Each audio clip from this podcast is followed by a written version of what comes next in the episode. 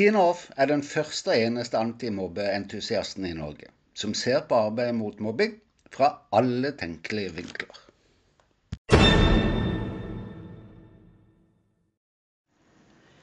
Hva ønsker du å endre i samarbeidet med de offentlige institusjoner som skal hjelpe ditt barn? Og hvilke grep tar du for å få det til? Pø, jeg kan ikke gjøre noe, tenker du kanskje. Klart du kan, i det minste for deg sjøl. Velkommen til episode 41. Da var vi der, folkens. Skolestart. Mens jeg elsker alt som har med skole å gjøre, vet jeg at mange har grudd seg. Kanskje du også. Kanskje var forrige skoleår tøft, både for ditt barn, for familien og for deg. Mens de siste episodene har dreid seg om hvilke endringer og grep utdanningssektoren kan ta, er det nå din tur. Din tur. I dag skal det dreie seg om fire enkle grep som jeg anbefaler til deg for å gjøre dine belastninger mindre. Ingen grunn til å gå rundt grøten. La oss komme i gang. Hvis jeg ikke tar helt feil, jobber hukommelsen din overtid hele døgnet. Det jeg ser da, er at jo lenger mobbesaker pågår, desto flere ting er det å huske på.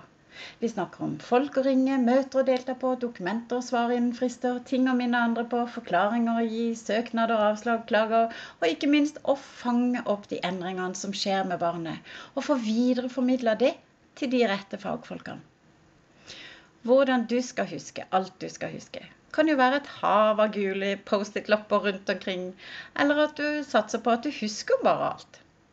Det kan bli overveldende i seg sjøl, tenker jeg. Jeg anbefaler at du laster ned appen Keep, altså K-E-E-P, gult ikon med en, uh, bilde av en lyspære. Dette er ingen reklame, men den fungerer både til å ta generelle notater og så har den en avkrysningsboksfunksjon som jeg liker så godt. Da kan du ved ett klikk huke av for hver ting som er unnagjort. Teksten blir gjennomstreka, hvilket betyr at du ser at du har gjort det. Noe som kan være kjekt når f.eks. skolen sier noe annet. Den samarbeider også med det neste tipset mitt. Det å bli en kalenderelsker har jeg nevnt før. Men det å bli en slave av å legge inn alle frister og møter i f.eks. en Google-kalender, som du laster ned på mobilen din, gjør at du slipper å tenke på alt og hele tida. Du kan slippe avtalene og fristene ut av tankene og fokusere på andre ting. Og kult er ikke det? Ja, det krever at du blir like flink til å legge inn varsler når du lager en avtale eller en frist eller Husk da at du kan legge inn flere varsler for hver kalenderoppføring. Hvis du har en frist som krever en del arbeid, kan du minne deg sjøl på å starte en eller flere dager før. Det er kjempeenkelt. Men det kan gjøre at du opplever litt mindre stress. Prøv det. Og da må jeg bare nevne at Google Kalender eh, funker fint sammen med Keep når du er på PC-en. For det tredje, da så er det jo ofte sånn at det blir mange navn, instanser, telefonnumre, e-poster, adresser å holde styr på. Det blir det i hvert fall etter hvert som saker får pågå over tid. Her er et kult tips til deg, som jeg benytter også. Når jeg registrerer en ny, ny kontakt i en sak på mobilen, så skriver jeg rollen som de har først. F.eks. at de er lærere. Og så navnet de sitt. Og så, hvis du scroller litt lenger ned på sida, så ser du at det står 'legg til gruppe', og det er gull. Bruk den. Kall gruppa for hva du vil, f.eks. da mobbesak. Og så legger du hver nye kontakt, så trykker du på denne her 'legg til gruppe'-knappen, og så velger du da mobbesak. For det første gjør det det superenkelt å hente opp gruppa og få alle kontaktene frem kjapt. Men det aller kuleste er at du kan slette alle med ett tastetrykk. Ja, for ingen av oss har vel planer om å stå i mobbesaker for alltid. Og du kan gjøre det samme, eller samme måte å tenke på med e-poster også. Ved å lage en undermappe og så en regel, som det heter i e-postverden. Og det gjør altså da at e-poster f.eks. fra skolen går rett inn i undermappa.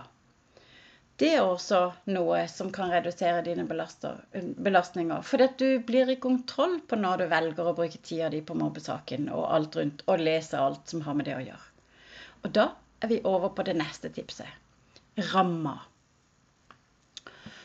Sørger du ikke for å sette grenser og skape rammer for deg sjøl, kan jeg bare si det gjør ingen andre heller.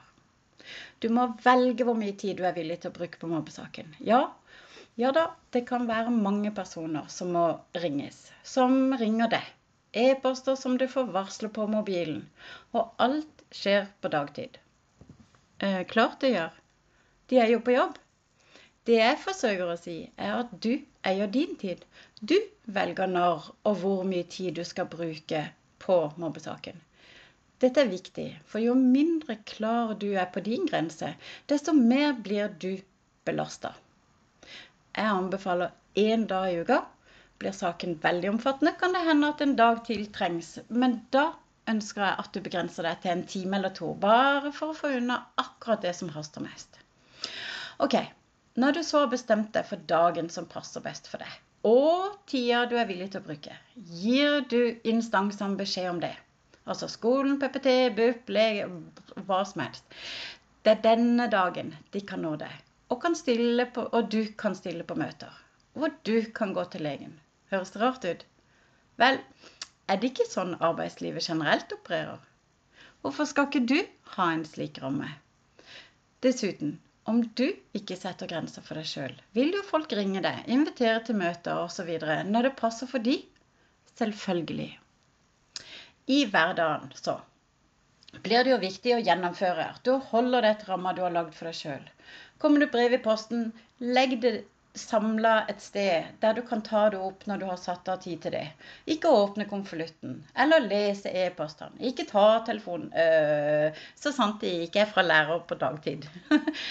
ta vare på deg sjøl. Til slutt, og for å avsløre hvorfor jeg tenker at du kanskje kan ha godt av disse tipsene, er at jo mindre belastninger du utsettes på for i mobbesaker, desto mer glede har ditt barn av det. Har du overskudd, så tenker du jo bedre, du tar klokere valg, og ikke minst blir oppfattet som lettere tilgjengelig for ditt barn. Nei, nei, du må ikke tro å kritisere det nå, altså. Overhodet ikke. Jeg møter bare så mange barn som nevner dette. Å vite at mamma eller pappa snakker i telefonen i timevis om en sjøl, er vel noe ingen av oss hadde likt noe særlig i grunnen. Dessuten er det belastende for barnet også. For barnet vet jo ikke hva de prater om eller blir enige om. Og det handler jo om de. Og uansett hvor supermamma eller pappa du er, vil det koste deg krefter å stå i flere slike samtaler hver dag. Og du blir i hvert fall ikke mer tilgjengelig av det. Eller hør, du ser tegninga. Jeg lar det ligge. Det som er superduperkult med dagens tips, er at en slik hverdagsstrategi ikke bare åpner for bedre struktur og oversikt og mindre belastning, men det gjør noe med selvtilliten også. For den rives ikke helt vekk. Du lar deg ikke overkjøre. Det gjør noe med deg, tror jeg. Nei, en trenger ikke å være blid og glad når det stormer som verst, men heller ikke utslitt. Ingen kan nemlig være den flotte mammaen eller pappaen som akkurat du er for ditt barn. Skap deg muligheten til å fortsette å være akkurat den personen. God uke.